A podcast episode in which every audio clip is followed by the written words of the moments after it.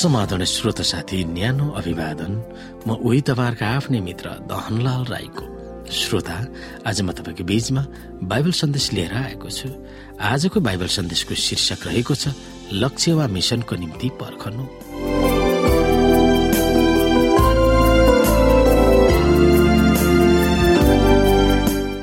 श्रोत साथी यसो स्वर्गमा उक्लनु भएको दृष्टान्तपछि लुका तेइस अध्याय अन्त गरिन्छ।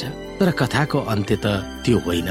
लुकाको पुस्तकको लेखक लुकाले आफ्नो वृत्तान्त प्रेरितको पुस्तकमा निरन्तरता दिँदछन् यसो स्वर्गमा उक्लाउनु भन्दा ठिक अघि उहाँले चेलाहरूलाई काम र प्रतिज्ञा दिनुभएको थियो। साथै स्वर्गबाट शक्तिको निम्ति एरिसलेममा प्रतीक्षा गर भनेर निर्देशन पनि दिनुभएको थियो। पिताबाट पठाउनु हुने पवित्र आत्मा नाउन्जेल एरुसलेममै पर्खेर बस भनेर यसुले चेलाहरूलाई अराउनु भएको थियो।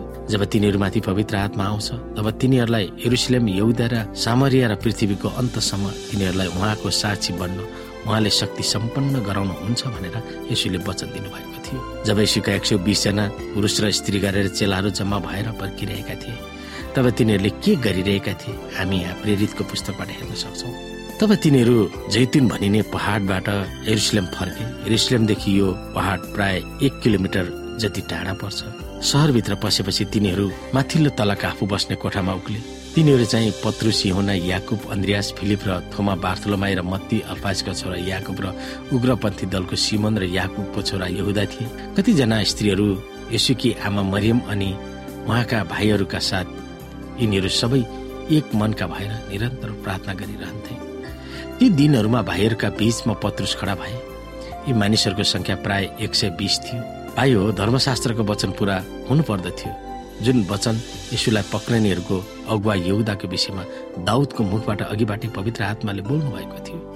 किनकि त्यसको गणना हामीसँगै भएको थियो र यही सेवामा त्यसले हिसाब पाएको थियो। त्यस मानिसले अधर्मको कमाईबाट एउटा जग्गा किन्यो र उधोमुन्टो भई खस्यो र त्यसको भुँडी फुट्यो र त्यसका सबै आन्द्राभरि निस्के। यो कुरा एरुसलेमका बासिन्दाहरू सबैलाई थाहा भयो। यो जग्गाका नाउँ तिनीहरूको आफ्नो भाषामा आखेल्दामा राखियो अर्थात् रगतको खेत भनेर। पत्रुसले भने किनकि भजनको पुस्तकमा यसो लेखिएको छ त्यसको वासस्थान उजाड होस् र त्यहाँ बास गर्ने कोही नहोस् र त्यसको कार्य पदाधिकार अर्काले लियोस्। यसै कारण हाम्रा साथमा रहने मानिसहरू मध्ये यस्तो एकजना छान्नु आवश्यक छ जुन व्यक्ति प्रवेश हाम्रा बीचमा रही भित्र बाहिर गर्नुहुँदा सधैँ हामीसँग थियो। अर्थात् यस्तो व्यक्ति जो यहुन्नाको बत्तिसमादेखि लिएर उहाँ हामीबाट उँभो लगिनु भएको दिनसम्म हामीसँग थियो। त्यो मानिस हामी सँगसँगै उहाँको पुनरुत्थानको साँची हुनुपर्दछ। तिनीहरूले दुईजना अर्थात् बार्नावास भन्ने योसेफ जसको कुल नाउ युस्तस थियो र मतियसको नाउँ प्रस्ताव गरे। तिनीहरूले यसरी प्रार्थना गरे सबै मानिसका हृदयको कुरा जान्नुहुने प्रभु दुई मध्ये तपाईँको तपाईँले कसलाई चुन्नु भएको छ? सो हामीलाई देखाउनुहोस्। र त्यो यस सेवा र प्रेरितको काममा प्रवेश गर्न सकोस्। जुन सेवाबाट यहुदा भट्केर आफ्नो निज ठाउँमा मर्यो अनि तिनीहरूले ती दुईका बीचमा गोला हान्ने र मतियासको नाउँमा पर्यो र एघार प्रेरितहरूसँग तिनको गणना भयो। यसोले चेलाहरूलाई स्पष्ट मिसन वा काम दिनुभएको थियो। तिनीहरू सारा संसारमा गएर उहाँको निम्ति साँची बने। त्यसकारण जब तिनीहरू पर्खेर बसे तब तिनीहरूले आफ्नो लक्ष्य पूरा गर्न दुई प्रकारले तयार गरिरहेका थिए। पहिलो लुकाले भन्छ कि तिमीहरू एक भएर निरन्तर साथ प्रार्थना र बिन्ती गरिरहेका थिए। यसोले दिनुभएको कामको बारेमा ती चेलाहरूमा कुनै प्रश्न थिएन। तिनीहरू सबैले उहाँको कामलाई स्वीकार गरेका थिए। यही कामले गर्दा तिनीहरू प्रेरित भएर प्रार्थनामा एक भएका थिए र तिनीहरूले के को बारेमा प्रार्थना गरिरहेका थिए भनेर लुकाले बताउँदैन। तर सबैजना मिलेर यशुले दिनुभएको काम सम्पन्न गर्न ज्ञान बुद्धि बल र साहस दियोस् भनेर प्रार्थना गरिरहेको हुनुपर्छ। यो हाम्रो लागि पनि अनुसरणीय उदाहरण हो। दोस्रोमा जब तिनीहरू आफ्नो कामको निम्ति पर्खिरहेका बेलामा तिनीहरू तर्कयुक्त तरिकाले चलिरहेको थियो यहुदाले यसुलाई मारिन सुम्पिएका थियो र यसले आत्महत्या गरेको थियो।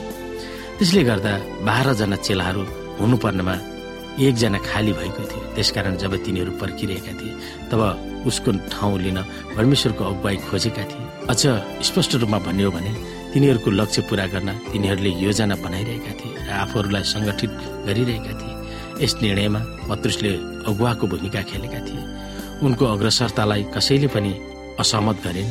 उनको वचनमा परमेश्वरको अगुवाई भएको तिनीहरूले देखेका थिए। तिनीहरूको बीचमा परमेश्वर सक्रिय हुनुभएको र उहाँले अगुवाई गरिरहनु भएको थियो भनेर समझदारी हुँदै तिनीहरू उहाँमाथि भरोसा राखेका थिए। तिनीहरू त्यसै हात बाँधेर पर्खेर बसिरहेका थिएन तर तिनीहरू उद्देश्य प्रेरित भएर सक्रिय हुँदै पर्खिरहेका थिए। परमेश्वरले हामीलाई दिनुभएको महान लक्ष्य पूरा गर्न पवित्र आत्माको अगुवाईको निम्ति पर्खेर बस्दा हामी पनि एक भएर एक आपसमा उत्साह दिनुपर्दछ। पवित्र आत्माको निम्ति हामी प्रार्थना गरिरहनु पर्छ फेरि हामीहरू हाम्रो चर्चसँग मिलेर मुक्ति नपाएकाहरूलाई मुक्ति दिलाउने परमेश्वरको प्राथमिकतामा हामी लाग्नु पर्दछ अन्त्यमा श्रोता यसुको आगमनको निम्ति तपाईँ पर्खिरहन। तपाईँलाई कसरी सिक्नुहुन्छ र फेरि विश्वासमा नढलमेलिने गरेर कसरी बस्ने? फेरि त्यसै बखत चेलाहरूले जस्तो तपाईँ पर्खिरहनु भएको बेलामा तपाईँको समय उत्तम तरिकाले कसरी प्रयोग गर्न सक्नुहुन्छ त्यो विषयमा सोच्नु पर्दछ।